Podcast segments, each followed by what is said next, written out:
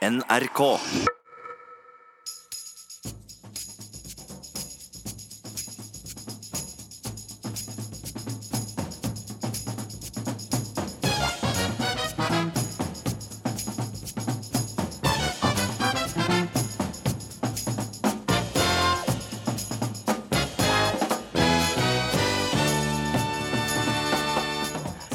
Sandstø melder seg ut av KrFU i protest etter varsler om trakassering. Jeg ble ikke tatt på alvor av partiet. Og hvordan er det mulig at Høyre ikke ante at de hadde en ungdomsleder som trakasserte, når fylkespartiene og andre organisasjoner passa på unge jenter når han kom på besøk? Klesgiganten Hennes og Maurits blir beskyldt for rasisme etter at de trykka bilde av en mørkhuda gutt med en genser det sto ape på. Ikke rart det blir krig i verden når vi hisser oss opp over dette, mener samfunnsdebattant. Og 18 kinesere har kommet til Norge for å bli gode i langrenn. Målet er å hevde seg i OL på hjemmebane om fire år, og treneren mener Kina har et stort potensial. Hvis vi får, la si, for 10 millioner på langrenn, da, så er det dobbelt så mange mennesker som bor i Norge. Så det potensialet er enormt. da. Du hører eller ser på Ukeslutt i NRK P1 og P2. Jeg heter Gry Veiby og skal følge deg den neste timen. Det har vært en uvanlig uke i norsk politikk. Fremskrittspartiets Ulf Leirstein prøvde å få 15 år gammel gutt med på trekantsex. Nå trekker han seg som parlamentarisk nestleder. Høyre innrømmer grov svikt i varslingssaker mot tidligere Unge Høyre-leder. Statsministeren beklager overfor varslerne. Og fylkesordfører i Hedmark, Senterpartiets Dag Rønning, går av etter flere varsler om upassende oppførsel mot unge kvinnelige politikere. Og her hørte du fra tre saker i tre partier, og alle handler om menn med upassende oppførsel. Og i går måtte statsminister Erna Solberg ta en pause i forhandlingene for å kommentere hvorfor partiet ikke tidligere har grepet inn overfor den tidligere Unge Høyre-lederen Christian Tonning Riise. Vi har i dag vært veldig tydelige på at Høyre ikke har gjort en god nok jobb. Og jeg leder jo organisasjonen, og det betyr at det er også mitt ansvar at vi ikke har gjort en god nok jobb. Dette er saker som ikke har kommet langt nok opp i organisasjonen, eller blitt tatt ordentlig nok i eh, på et tidligere tidspunkt. Du skal snart få høre mer om eh, Unge Høyres varslersaker, men først. I går kom også nyheten om at eh, KrFU-politiker Julia Sandstø trekker seg fra politikken fordi hun opplever å ikke ha blitt tatt på alvor, alvor da hun varsla om seksuell trakassering. Og Julia Sandstø, eh, kan ikke du forklare litt hvorfor vil du ikke fortsette? Fordi helt siden jeg varslet om seksuell trakassering i partiet, så har jeg ikke blitt tatt på alvor. De håndterte saken ut fra at det var overskridende atferd og ikke seksuell trakassering. Og de gjorde ikke nok, så for to år siden så hadde jeg lyst til å melde meg ut. Men så trakk han seg fra vervet i KrFU. Likevel så har han jo nå fortsatt en stilling veldig høyt oppe i KrF. Eh, og eh, da jeg tok saken ut i media, så tenkte jeg at hvis det er ett parti som skal ta opp seksuell trakassering først, så må det være KrF. Og tenkte at eh, flere saker vil følge etter, sånn som vi ser nå da, i dag. Men så har jeg blitt motarbeidet av mitt eget parti, som sier at dette er ikke seksuell trakassering, dette er overskridende atferd. Vi skjønner oss ikke igjen i noen ting av det Julia sier, og vi nekter å beklage at håndteringen var for dårlig. Så i går så måtte jeg sitte på landsstyret med rundt 30 medlemmer Uh, som en slags rettssak hvor jeg skulle forsvare at jeg ble seksuelt trakassert, og bevise dette her. da. Jeg satt og, uh, Skal jeg være helt ærlig, så satt jeg og strigråt uh, foran alle de 30 menneskene. og ble behandlet ekstremt dårlig. og til slutt så tenkte jeg at når de ikke engang beklager dette her, så er ikke dette her et parti for meg, da. Jeg må nevne at Ukeslutt har vært i kontakt med både KrFU og moderpartiet KrF, og ingen av dem stiller her hos oss. Men KrFU henviser til en kommentar på hjemmesiden deres, og der beklager de det som har skjedd og sier at de vil jobbe for å hindre at det ikke vil skje igjen. Stoler du på det? Eh, absolutt ikke. Eh, fordi etter møtet i går, sent i går kveld, fikk jeg melding fra eh, lederen Martine Tønnesen, som sa at eh, beklager, eh, nå, først nå har hun sjekket opp om dette her var seksuell trakassering eller ikke. Hun er ikke til stede her i dag, da. Så... Nei, beklager. Eh, mm. Men, og så sier hun at ja, nå er det seksuell trakassering. Mm. og det er litt for seint å finne ut av nå, to år etterpå, og etter at de har motarbeidet saken min, etter at det har gått ut også. Jeg mener Det er noe de burde gjort mye mye tidligere. Så men, men, fortell om saken din, for Du var 17 år da saken din starta. Hva var det som skjedde? Jeg var 16. Du var 16 år, Hva var Det som skjedde? Det var en uh, mentor uh, som var uh, mye mye eldre enn meg. Han var 12 år eldre. som Eh, forfulgte meg, stalket meg, ringte rundt medlemmer og spurte hvem av Julie hadde sex med. Eh, sa at han lå i senga og tenkte på meg. Flyttet fra Bergen til Oslo for meg. Det var et enormt press. da. Eh, og han møtte opp steder han ikke skulle for å komme i kontakt med meg. Og det her pågikk over to år. Og så fortalte om dette, her, og Hva slags reaksjoner opplevde du å få fra partiet? Jeg fortalte om det flere ganger. Eh, mange mange ganger. Eh, de sa at dette tar vi veldig alvorlig. og veldig mange fine ord, da, med andre ord. Mm. Eh, men det var bare, de tok bare en prat med han og sa mm. at det er ikke noe mer enn det vi kan gjøre. Mener du at partiet har beskytta trakassøren framfor deg, da, som er en varsler? Det er jo helt åpenbart. Jeg, han trakassøren sitter nå høyt oppe i partiet. De har vernet om han i denne saken her, mens jeg, en varsler på 20 år, må gå ut. Mm. Hvorfor har du ikke anmeldt denne saken? Jeg har eh, ikke tenkt på det tidligere, men nå må jeg innrømme at jeg har eh, veldig lyst til det. Mm. Du sto første gang fram i Aftenposten i desember og fortalte at du hadde varsla to KrFU-ledere flere ganger om trakassering mm. av en eldre KrFU-politiker. Hvorfor valgte du å gå ut i media på den måten? Fordi jeg så egentlig saken som avsluttet. Da jeg tok kontakt med Aftenposten, så tenkte jeg at jeg ikke ville henge ut disse KrFU-lederne, eh, selv om det var håndtert dårlig. Men de reagerte veldig sterkt på hvordan det ble håndtert. da. Og så innså jeg egentlig hvor dårlig jeg hadde blitt behandlet, eh, men enda mer at det var et holdningsproblem når lederne i dag ikke beklager noen ting av det. De sier jo at de beklager det som har skjedd, da. Uh, og at de vil jobbe for å hindre at det ikke skal skje igjen. Som de sier uttalelsen sin i hvert fall. Men, uh, ja, det har de ikke sagt før nå. Ja. Generalsekretær i Høyre, Jon Ragnar Aarseth. Uh, vi skal tilbake til den første saken vi hørte. Du svarer på vegne av Høyre. Og i dag kan vi lese i, i Aftenposten at tidligere leder av Unge Høyre, Christian Tonning Riise, hadde sex med en 16 år gammel jente på fylkesårsmøtet i 2014. Jenta sier selv til Aftenposten at hun var veldig berusa, og at hun ikke var i stand til å gjøre rede for seg. Og dette var en hendelse som flere fikk med seg, og som ble varsla videre til Unge Høyre sentralt. Hva er din forklaring på at det ikke ble tatt grep i denne saken? Jeg har ikke noen eh, annen forklaring enn at det, har, eh, dette er en sak der det åpenbart har, åpenbart har svikta fundamentalt i håndteringa eh, av et varsel. Eh, dette skulle åpenbart ha blitt tatt på alvor den gang. Eh, det eh, viser jo historien da at det ikke ble. Og, det er veldig sterkt eh, beklagelig. Men Hva er din forklaring på at det ikke ble tatt på alvor den gangen? Man, det kan jo virke som man, man ville verne om en av sine egne. Han var leder i partiet, god politik, politiker og dyktig debattant. Mm. Ja, Det er jo dette med å prøve å finne ut av. Eh, hvor, hvor, har det svikta? Hvem, eh, hvem, er det som eventuelt ikke har Eh, oppfatta eh, varselet tydelig nok, skjønt alvoret, eh, tatt affære, funnet ut av det og, og, og håndtert det på en god måte. Men det vi i hvert fall vet, er at det ble ikke, det ble ikke håndtert godt nok. Og, og, det er veldig, veldig trist, og det beklager jeg veldig sterkt.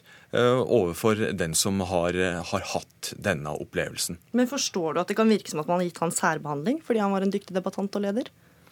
Ja, Han var ikke leder på det tidspunktet, men det er ikke viktig eh, for, for sakens alvor og, og, den situasjonen som, som oppsto. Eh, men det er veldig mange spørsmål som reiser seg i etterkant av en sånn sak.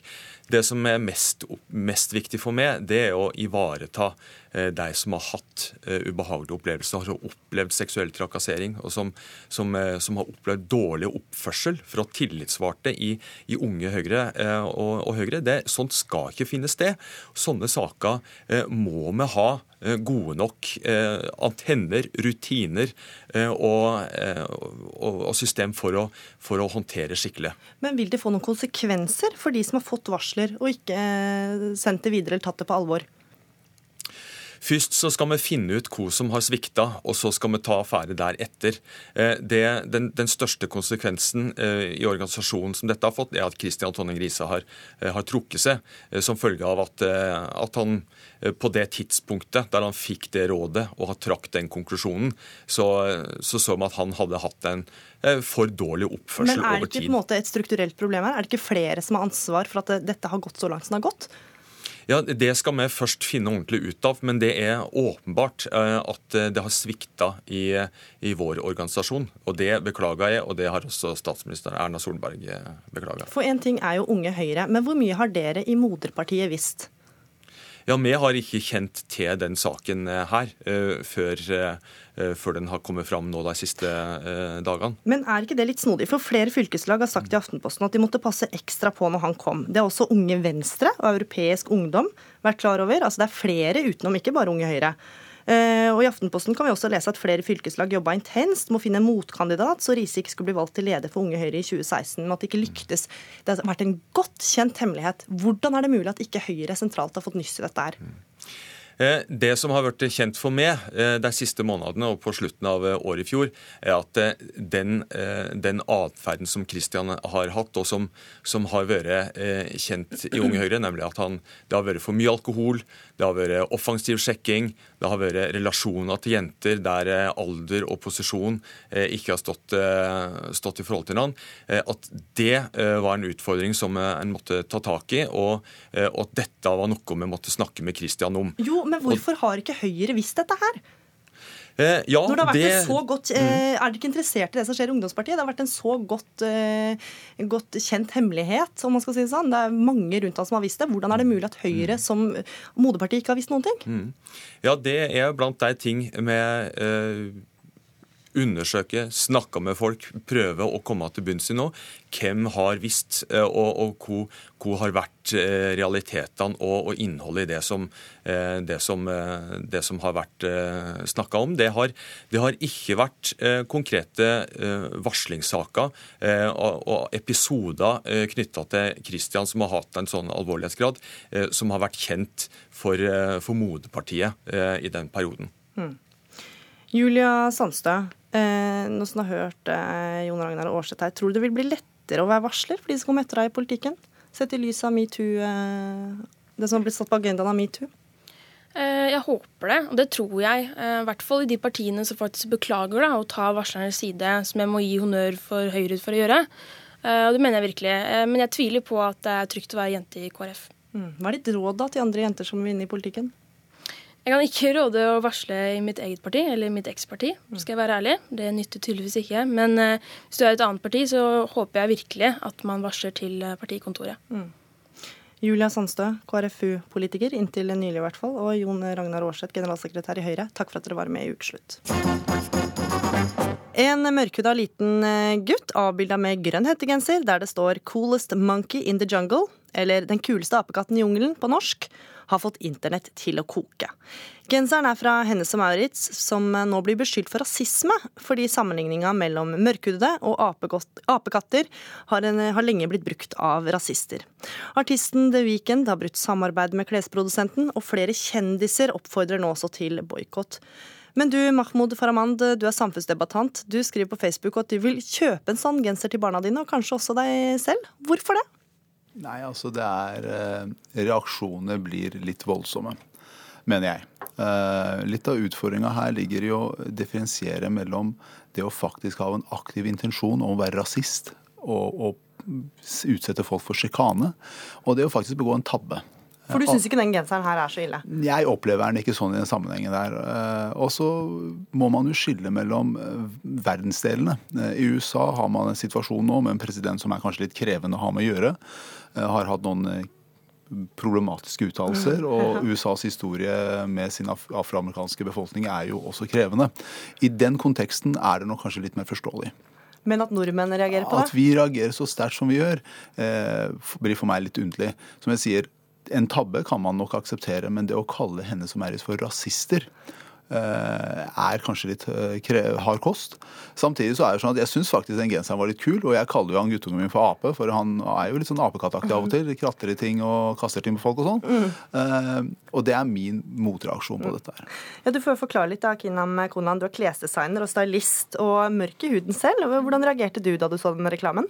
Uh, jeg syns det var veldig uheldig feil, og jeg mener at det er veldig rasistisk. Um, for du Jeg tenker at uh, når eh, Veldig mange afrikanere blir jo kalt aper av nazister og rasister. Så å bruke det i en uh, Å designe en genser som sier king of, 'I'm the king of the jungle', eller hva det var, mm. det blir helt feil. Jeg, jeg føler at de, frem, mm. ja, de fremstiller eh, melaninrike mennesker på en helt feil måte. Og det gir ikke riktig budskap. Istedenfor å forebygge rasisme, så føler jeg at de heller bidrar til mer rasisme. Mm. Hvordan reagerte du da da du så reklamen? Um, jeg ble faktisk ikke sint. Jeg ble bare skuffa. Mm. Veldig skuffa. Det er sånn here we go again. Det, mm. ja. En som er enig med deg, er Rune Berglund Steen. Du er leder i Antirasistisk Senter. Du var eh, raskt ute da denne saken eh, begynte å rulle. Var det på autopilot, eller er denne reklamen faktisk rasistisk, vil du si? Altså, Om det så er tilsiktet eller ikke, så vil jeg si at den er ganske klart rasistisk. Men jeg tror det som gjorde at mange reagerte, og kanskje mer liksom i bestyrtelse enn sinne, var altså de mengdene av inkompetanse som må være involvert for at denne reklamen har passert gjennom så mange som den må ha passert gjennom. Det er vel også litt derfor noen av oss lurte på kan det være tilsiktet. Kan det være en idé om at dette vil generere så mye oppmerksomhet at det tross alt på en eller annen måte så er denne klesserien tjent med det. Antagelig er det ikke sånn. Men den andre, Men hvorfor er det så problematisk, da? Altså, det å fremstille personer med afrikansk bakgrunn som apekatter, det er kanskje den vanligste rasistiske fornærmelsen eller tropen som er der ute. Når, og jeg tror I hvilket som helst land hvor du kartlegger rasisme, så vil du finne det samme som vi gjorde da vi kartla rasisme blant barn og ungdom i Norge i fjor. Uh, apekatt. Ape er blant det som dukker opp, som barn i Norge også forteller at de blir kalt. Uh, hvert fjerde barn i norsk skole med minoritetsbakgrunn uh, sier at de opplever rasisme og etisk diskriminering regelmessig. Og for barn med afrikansk bakgrunn så er dette noe av det som går igjen. Mm. Uh, fotballspillere med afrikansk bakgrunn får bananer slengt etter seg. sånn at dette er liksom, Det er så grunnleggende, og det er derfor det er liksom vanskelig å, å, begripe at en så stor og Det er liksom ikke kler seg på, på hjørnet, dette her. Det er en stor og profesjonell kjede. Mm. Og og, de bør klare bedre enn å, å, å, bomme så voldsomt på det. Faraman, nå får jo ikke du kjøpt denne genseren til barna dine, for det er trukket fra markedet. Men når du hører disse her nå, forstår du at noen kan oppfatte den som rasistisk? Som jeg sier, jeg forstår det. Eh, Men er det litt hårsårt? Ja, altså, altså, dette her bringer meg tilbake til den situasjonen som var rundt bare Dove-såpa her for litt siden, da de hadde en lengre video der det er forskjellige kvinner med forskjellig hudfarge som kler av seg. Og så ser man en mørk kvinne som kler av seg, og så, tar av seg en topp og så blir hvit. og så stopper man der. Og så ser man ikke bare resten av konteksten her. Jo, hun hvite tar av seg, og så blir gul, og så blir sørøstasiatisk, og, og, så holder man på sånn. Um, og da kom det en vanvittig reaksjon da. Og nei, men se hvor rasistiske Dove er, og folk skulle boikotte Dove, og hele sjappa skulle legges ned, osv. Det, er det er det som blir utfordringa her. Samtidig så undres jeg over én ting. For hvis dette, det er jo, det beskrivelsene her er jo enig med Berglund Steen om den beskrivelsen av afrikanske fotballspillere, og det, det er jo kjent. Men samtidig så er det sånn dette barnet som har stått der har vært med og blitt tatt bilde av. Han har fått godkjenning av sin familie. De er tydeligvis også afroamerikanere mm. eller eh, har afrikansk bakgrunn av en annen mm. slag. Da lurer jeg på hvorfor er det sånn at det er så ekstremt stor forskjell i oppfatning av situasjonen. For det fins jo folk der ute som oppfatter dette her som uproblematisk. Hvorfor er det sånn at vi ikke hører de stemmene? For jeg, jeg ser jo utfordringa som de påpeker her. Mm. Samtidig så fins det en annen versjon her. Og denne versjonen hører vi veldig sjelden til. Ja, Kodland, det er jo sånn at Familien til gutten sa jo, reagerte ikke på at han hadde på seg denne genseren. Hvorfor skal andre reagere da, når de sier at det er greit? Eh, folk har jo rett til å uh, sine egne meninger. Uh, men um, det var jo penger involvert i dette her. Moren fikk jo betalt for dette her, så jeg, vil, jeg velger å tro at moren gjorde dette her fordi hun ikke har nok kunnskap selv om uh, black history, mm. og at pengene kanskje Eh, blendet henne til å ta riktig, riktig valg. Mm. Jeg tror nok det er, det er, ikke så veldig mange med afrikansk bakgrunn som syns dette er ok. Og det er liksom, det er bare å se, altså, Den tråden som du skrev, Faraman du vet, Av de på 250 Facebook, på Facebook, mm. de, av de 250 som har likt det, det er ikke en eneste med afrikansk bakgrunn. Det er nesten bare hvite nordmenn som har en sånn liten, liten sånn runde der på, på hvor hårsårt dette her er eh, for folk med afrikansk bakgrunn. Men, men eh, Berglund Steen, hadde du reagert like mye dersom det hadde vært et hvit barn som hadde gått med den genseren? Nei, jeg vet ikke hvorfor jeg skulle gjort det. Eh, det er, men er ikke det litt rasistisk, da? At det, med en gang det er en farget person som har den på seg, så reagerer du? Men hvite barn har ikke, og hvite generelt har ikke vært utsatt for liksom, rasistisk sjikane å være apekatter gjennom noen hundre år. Så liksom er ikke, der er det ikke en forbindelse. Her er den forbindelsen så ufattelig tydelig. Og det er derfor det burde være så utrolig lett eh, for dem å, å, å styre utenom det. Og den biten med Dove er jo også på en måte interessant fordi uh, det er ikke sånn at de har knekt ryggen pga. disse kontroversielle reklamene de har hatt. De har da vi gjør det bra økonomisk. Og Det er liksom det som nok gjør at folk lurer litt på har HM virkelig vært så amatøraktig som dette her. Mm. Er det hinsides å tenke kan de vært ute etter profitt? Det er også en kleskjede som er anklaget for barnearbeid. Er det helt utenkelig at de er ute etter profitt? Nå tenker jeg også at det var et arbeidsuhell, eller ærlig talt 20 arbeidsuhell. Vi har vært i kontakt med Hense Maurits. Mange mennesker som har gjort arbeidsuhell her. Mm. Det som påpekes, er kanskje, altså, som jeg sier, en feil eller en bevisst handling er noe annet enn en ren og skjær rasisme. For man sier at HM er rasistiske. Nei, det er utfordringen også. Nei, men altså, det er jo de uttrykkene som brukes, jeg refererer ikke deg, men det er det som skjer der ute når man leser noen av tweets, eh, tweetsa som kommer. Ved å holde på sånn, da, noe som burde også være viktig for antirassistenter, er at man over tid uthuler rasismebegrepet. Et begrep som man faktisk trenger for å håndtere en del av de stadige utfordringene vi har i vestlig samfunn, og alle verdensdeler samfunn. Eh, så er dette med eh, gnisninger mellom forskjellige folkegrupper. Eh, og det må håndteres. Og dermed så ved å bruke disse begrepene på en måte som kanskje ikke helt Eh, speiler virkeligheten, vil skape at begrepet blir uthula, og til slutt så har man nesten begrepsapparat igjen, og ender mm. man i en ulv-ulv-situasjon. For du mener at denne saken er for liten til at man kan ja, eh, Om den er for liten eller stor, eller hva som altså, Poenget mitt her er er det rasistisk, eller er det en eh, PR-kynisme? Altså, Hva er greia her? For det, det er kanskje greiere å få, få, det spørsmålet besvart av HM, da. Hva har dere gjort der? Mm. Uh, og jeg tror nok det er viktig å skille mellom som jeg sier, regelrette feil og det å være rasistisk Jeg tror ikke det sitter noen i, i henne som er, som er regelrett rasister og har sagt at nå skal vi liksom drive gjønn med afroamerikanere. Mm. Men altså, den er, saken er alvorlig for en del av de barna med afrikansk bakgrunn som opplever å bli kalt apekatt. Og jeg, jeg er litt sånn opptatt av Altså for Det er alltid en diskusjon om hvordan skal, skal man bruke rasismebegrepet og når ikke. Skal det ha noen mening, så må man iallfall bruke det sånn at det er mening for dem som rammes av det. Uh, og, I dette tilfellet så tror jeg ikke det er noe særlig tvil om at, at de fleste hadde forventet noe mye bedre av henne som Maurits. Nå har de kommet med en veldig skikkelig unnskyldning. Uh, den er veldig godt formulert. Den er akkurat sånn som en unnskyldning skal være. Og jeg håper den er så oppriktig som den sånn formmessig ser ut som. Og så tror jeg at mange vil da sånn sett være villige til å tilgi dem og gå videre. Men, men, men, jeg tror de har brukt opp kvota. Jeg tror ikke de skal gjøre dette her på, på, på mange år mm. hvis ikke de skal få, få, ganske store problemer med, med deler av kjøpemassen. Mm. Er du enig i det, eller? Jeg er jo for så vidt eh, enig i at når man har eh, begått en tabbe, så kan man beklage det. Og jeg syns nok eh, det var riktig av dem å gjøre det, for de opplever oppriktig at de har begått en tabbe. Samtidig så er jeg tilbake der at man må være litt mer varsom med begrepsbruken, så man ikke uthuler begrepene. Mahmoud Farahmand og Rune Berglund Steen og Kinam Konland, takk for at dere var med i Ukeslutt. Hense Marit sier i en uttalelse at de har gjort en feil, og beklager det som har skjedd. Du hører på Ukeslutt i NRK P1 og P2, og fortsett med det. Tre dager etter at babyen ble født, var toppadvokat Åshild tilbake på jobb. Egoisme, mener skuespiller og mamma Sølje Bergman. Og Vestlandets regionalskatt er trua når lukta av nystekte sveler ikke lenger blir en del av ferjeturen. Fjord 1 vil selge sveler fra automat. Da mister jo Vestlandet noe av kulturen, gjør det ikke? Men eh, først, vi har fått inn en melding her om at politiet søker etter Janne Jemtland i Braskereide Foss i Våler kommune. Og vi har fått inn krimkommentator Olav Rønneberg. Hva vet vi om det som skjer?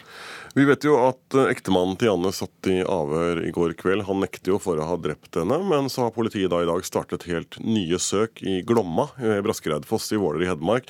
Det er flere mil unna der de tidligere har søkt. Nå er det brannvesen på stedet, det er kriminalteknikere fra politiet, og et stort område er sperret av.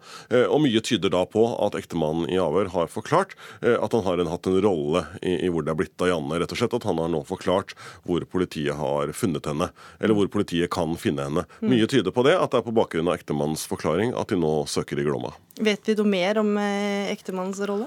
Han vil bli fremstilt for varetektsfengsling mandag, og det er da viktig. Han nekter for å ha drept henne, han nekter straffskyld for forsettlig drap.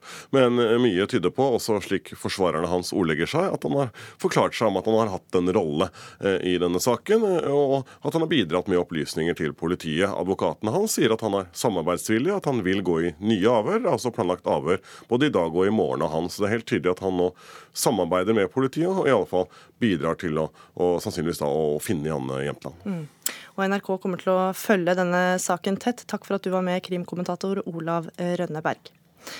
Kjelsås IL i Oslo har fått 18 nye medlemmer fra Kina denne vinteren.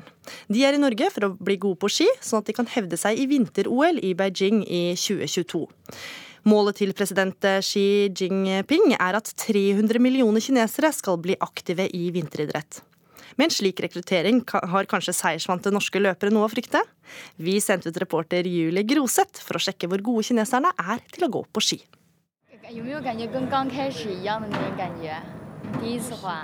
Møt Kinas langrennselite.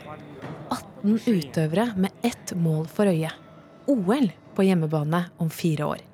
Men hva i alle dager gjør de på en tredemølle på Norges idrettshøgskole i Oslo en torsdags formiddag?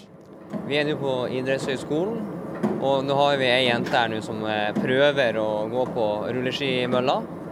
Hun gjør dette for første gang. Hun er egentlig ganske sånn fin fart, og hun har god kontroll. Og eh, ser ut som hun egentlig er ganske avslappa på mølla. Dette er mannen som har som oppgave å løfte Kina opp i verdenstoppen i langrenn. 26 år gamle Christian Bune Sveen fikk jobben av kinesiske styremakter til å lære opp ungdom som aldri hadde hørt om sporten langrenn før. Det har egentlig vært i hodet på meg hele tida at det har vært mye større motivasjon for å være trener for et, et annet land enn å være trener for Norge. Så jeg unner for så vidt Norge alt godt. Men jeg syns det trigger meg i hvert fall mye mer å, å, å bidra eh, i et annet land der langrenn ikke er så etablert. Jeg tror dette kan være utrolig viktig for langrennssporten, og eh, for meg personlig så er det en veldig spennende utfordring. Og det er tydelig at Sveen tar denne jobben seriøst. Han har allerede lært seg en del kinesisk. Um, Sodo, man, shangpo, han spør 16 år gamle Dini om det går greit å sette opp farten. Ikke noe problem for jenta som til helgen skal gå NM-stafett. Man skulle ikke tro at hun aldri hadde hørt om sporten langrenn før. Samtidig gjør 20 år gamle Kanat seg klar. Han er nestemann ut. Uh, no, uh, ski, uh, ski. Det er lenge siden jeg har gått på rulleski, så jeg er litt redd, sier han. So, uh, Selv om Kanat er nervøs, er han fast bestemt på at han må teste tredemølla. Det vil være med på å nå målet, OL i Beijing i 2022.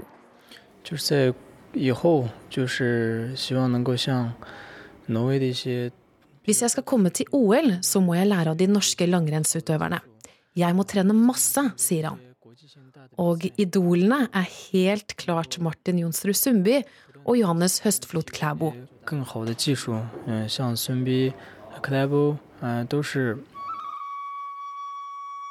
Men er det mulig for Kanat og resten av gjengen å bli like gode som Sundby og Klæbo?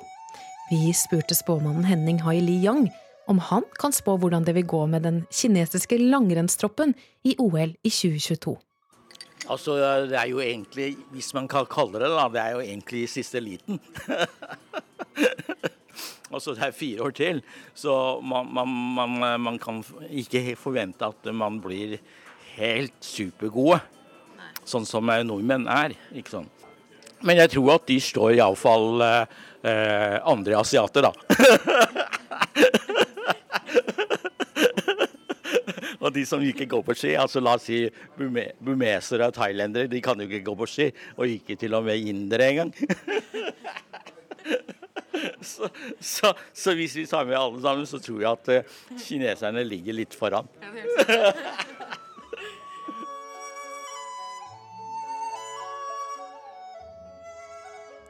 Men hva med NRKs egen sportskommentator Jan Post? Tror han at laget har en sjanse? De har jo en tropp som stadig se, eh, som vi stadig kan se ute i eh, verdenscupen. Og de har løpere som har hevdet seg inne topp 30 og tatt verdenscuppoeng. Det blir spennende å se om eh, de kan bli mye bedre fram til OL i sitt eget land. Så får vi se da, om det er de som trener i Kina og legger ned innsatsen der under et strengt regime, eller om det er kinesere som går på ski i Norge og har lyst til å lære å gå på ski på den måten som, eh, som blir best. Det har blitt eh, torsdag kveld, og kineserne har byttet ut tredemølla med løypene på Movatn i Oslo. De er på trening med Kjelsås IL. Laget de har meldt seg inn i, ikke bare for å kunne delta på renn i Norge, men også for å få nye treningsvenner. Gjengen samles i ring for å snakke om dagens økt.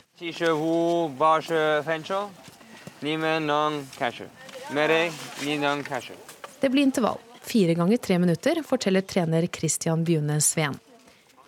De spenner på seg skia og fester stavene.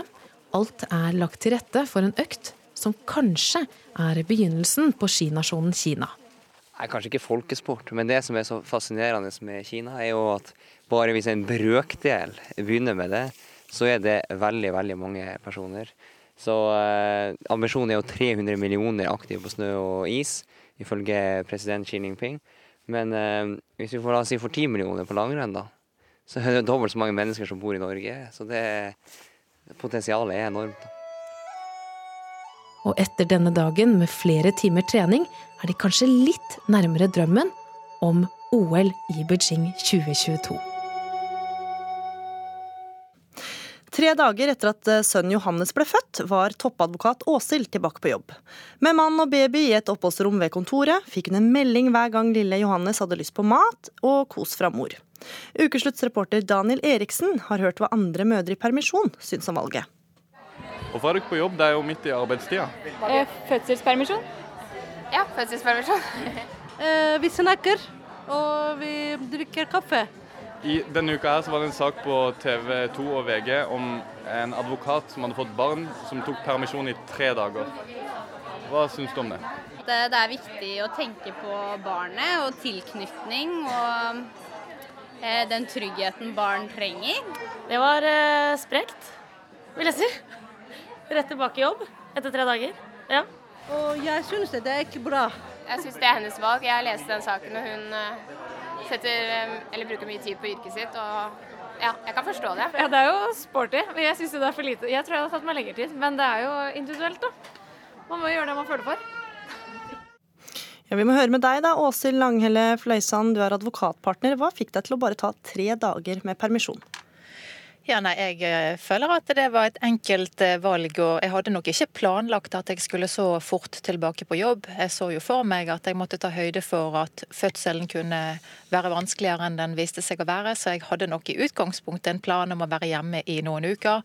Men det gikk veldig enkelt og greit, og eh, de første dagene var vi hjemme. og jeg følte at det var helt uproblematisk. Han var frisk, og jeg var frisk. og jeg tror at det ville vært en mye større belastning for meg å sitte hjemme og se på ting som hopet seg opp, og bekymre meg for hvordan det gikk med de ansatte og kundene som jeg har ansvar for. Mm. Så det var ikke i utgangspunktet planen dette, men jeg tenker at det må man tilpasse etter hva som passer i sine liv. Og jeg er veldig opptatt av å sende signalet ut til kvinner som får barn, at jeg vil ikke skape noen forventning om at normalsituasjonen skal være at man er tilbake på jobb etter tre dager.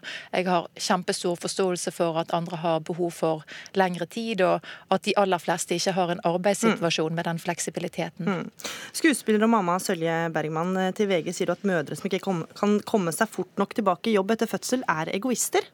Hvorfor er de det, mener du? Nei, Det er en side ved dem som jeg mener er egoistisk. fordi eh, det jeg har prøvd å presisere, og som er essensen av kronikken min, det er at jeg mener at uh, vi har en tendens, en trend i dagens samfunn, til å forsere det viktigste for et uh, nyfødt barn og et spedbarn, som skal danne grunnlaget for hele deres videre liv. Det er den mentale helsen, og det er muligheten til å knytte seg til og få omsorg og kjærlighet og um, få tillit og få de grunnleggende Eh, behovene som gjør at de skal klare å stå på to eh, trygge ben når de skal ut i den store verden. Og da mener jeg, som eh, Åshild gjør her, at jeg snakker ikke om rett og galt. Jeg er ikke ute etter å ta mødre og hvordan man skal gjøre det.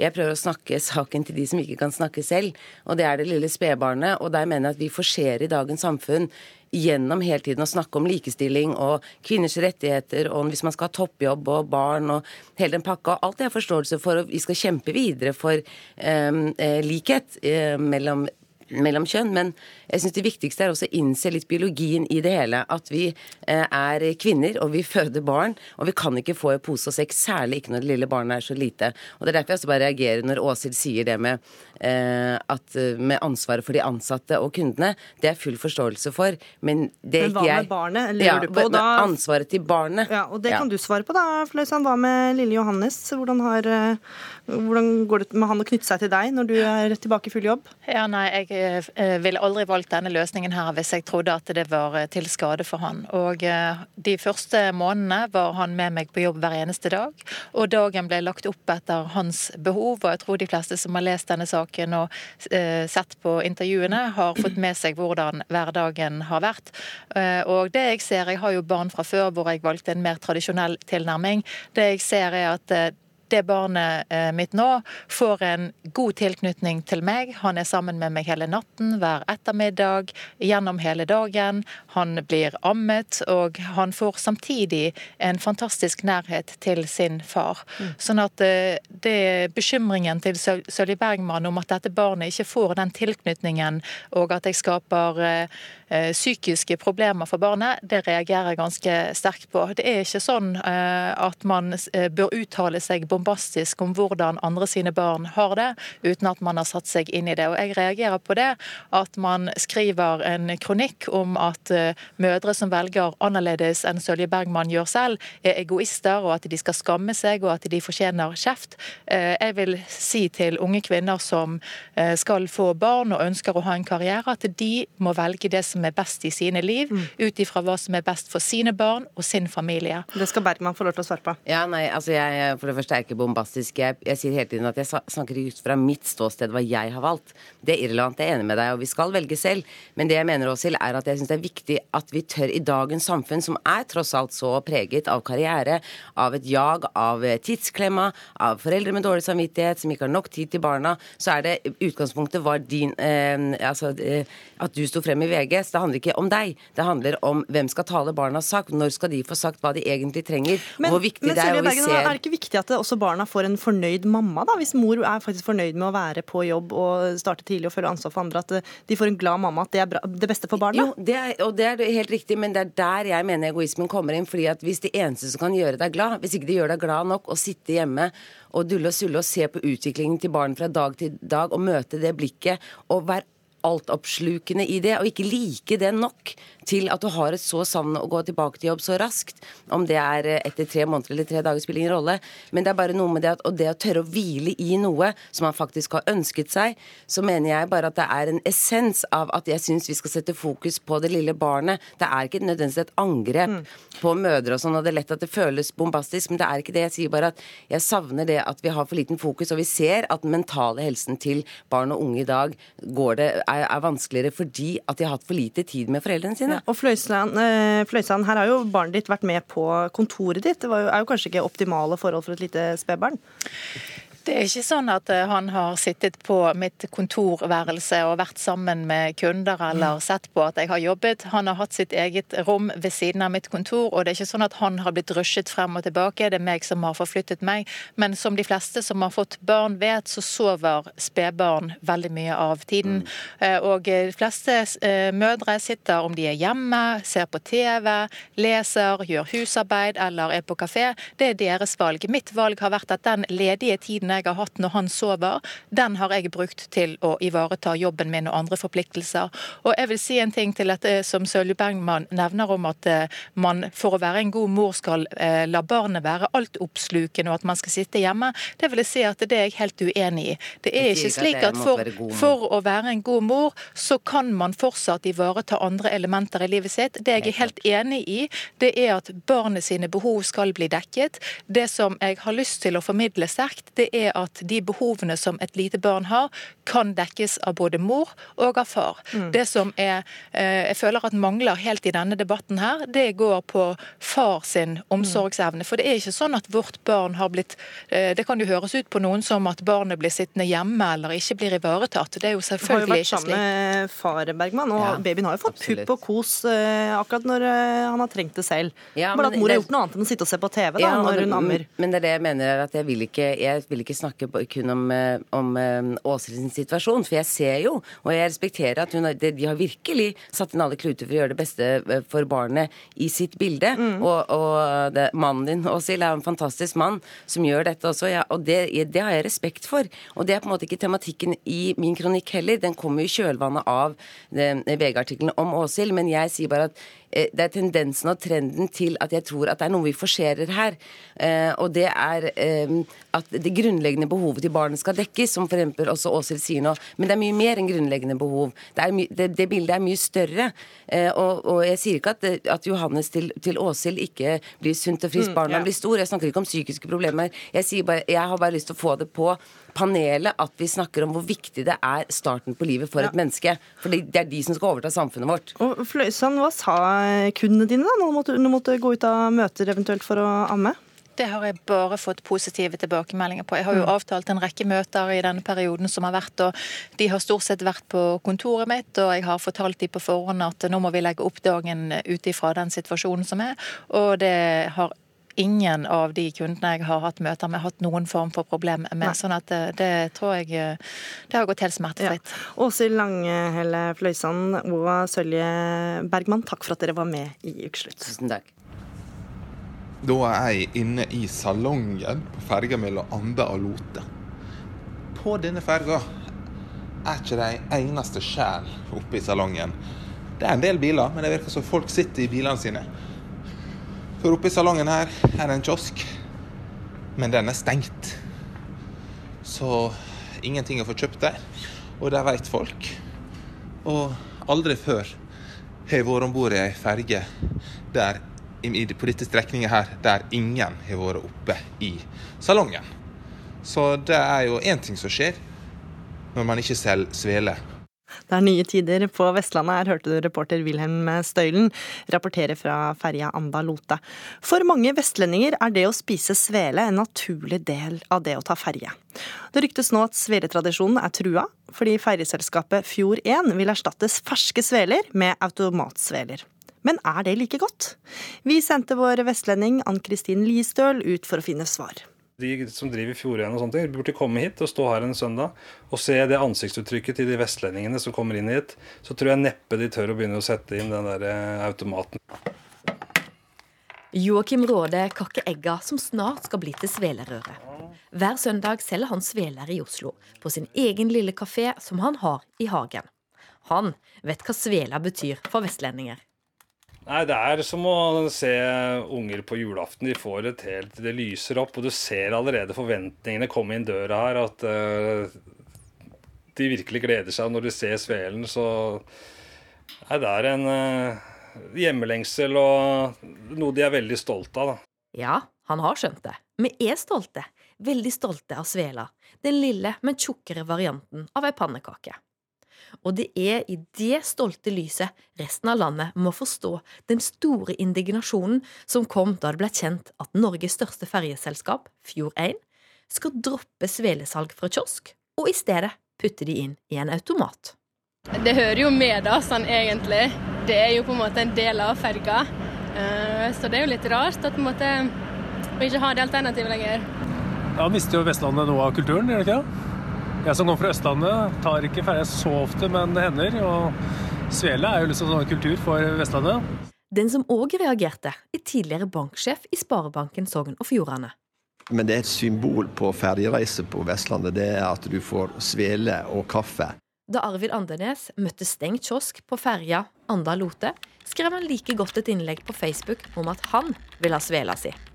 Det var jo med et glimt i øyet jeg sa det da, men jeg er jo en mann som reiser mye rundt omkring eh, på Vestlandet og ikke minst i Sogn og Fjordane og bruker ferja ofte. Og jeg ser jo på det som først og fremst et framkomstmiddel, men jeg ser på det også som en møteplass for pendlere. Og jeg ser på det som en, en transportetappe for turister og andre. Der jeg syns at eh, hensynet til kunden og det å kunne få et avbrekk, få en kaffekopp, kjøpe seg en matbit, er noe av det som hører med, og som har vært en del av kulturen med ferjene våre. Og jeg syns det var litt rart at de nye ferjene som nå blir elektriske, ikke har de fasilitetene som de gamle ferjene faktisk hadde på det området der. Og det ble litt skuffa over. Og etter innlegget hans begynte det å ta av. Med engasjement på sosiale medier og nyhetsoppslag. Og fredagspanelet til NRK Sogn og Fjordane slapp til den vestlandske humorkarakteren Kjell Kjellen Bigseth. Nei, altså, Jeg må da ærlig innrømme at det ble et lite sjokk. Om ikke jeg kan få bakoversveis, så fikk jeg det likevel. Altså, Når jeg skal begynne å produsere svele oppå land og ha dem i en automat, ja, hva i faken så blir det neste? Men jeg skal dra fram noe positivt. Det er bedre med svele enn ikke. Det er ferjeselskapet Fjord1 som er ansvarlig for sveleendringa, og daglig leder Dagfinn Neteland ble sjøl overraska over omfanget av reaksjoner. Vi skjønner jo at kundene har opplevd har ønske om å svele på ferjene våre osv. Det skjønner vi godt. Men uh, omfanget der er vi litt, uh, vi er litt forundra til det, for å si det rett ut. Men de har ingen planer om å snu. Som han sier, verden går framover, digitaliseringa er her, og de må òg tenke økonomi. Og han mener det nye sveletilbudet til kundene blir bra. Eh, med hånda på hjertet, du er jo vestlending du òg. Smaker den automatsvela like godt som den svela som kommer eh, som er steikt på ferja? Jeg har ikke, jeg har ikke smakt henne ennå, men jeg skal love deg at hun skal smake like godt. Vi har, det er vår ambisjon. Hun blir like god. Jeg skal love deg det. Og hvis hun ikke er like god, da, kan du ta tilbake de gamle svelene, da? vi får se hva vi gjør, da. Nei, skal få, du skal få like god svele. Du er hjertelig velkommen om bord. Dette er lyden av svele. Ja, her skal du få litt kaffe. Tilbake hos Joakim Råde på Rådes hagekafé. Snart skal jeg få ei rykende varm og nystekt svele i Oslo. Sånn, og Mye av hemmeligheten med en god svele er jo faktisk å servere nystekt. Det mangler jo bare litt hav utafor her, og litt ferjelyd. Ja. Og så må du ha vestlandsdialekta. Ja, det, det får komme. Låke i hodet, eller Steikje fine gardiner. Det hørtes som reporteren Kristin Listøl nesten eh, fikk det hun ville ha. Det var hun som var reporter sammen med Wilhelm Støylen. Ukeslutt er slutt. Ansvarlig for sendinga Kari Li. Teknisk ansvarlig Marianne Myrhol. Og her i studio var Gry Veiby.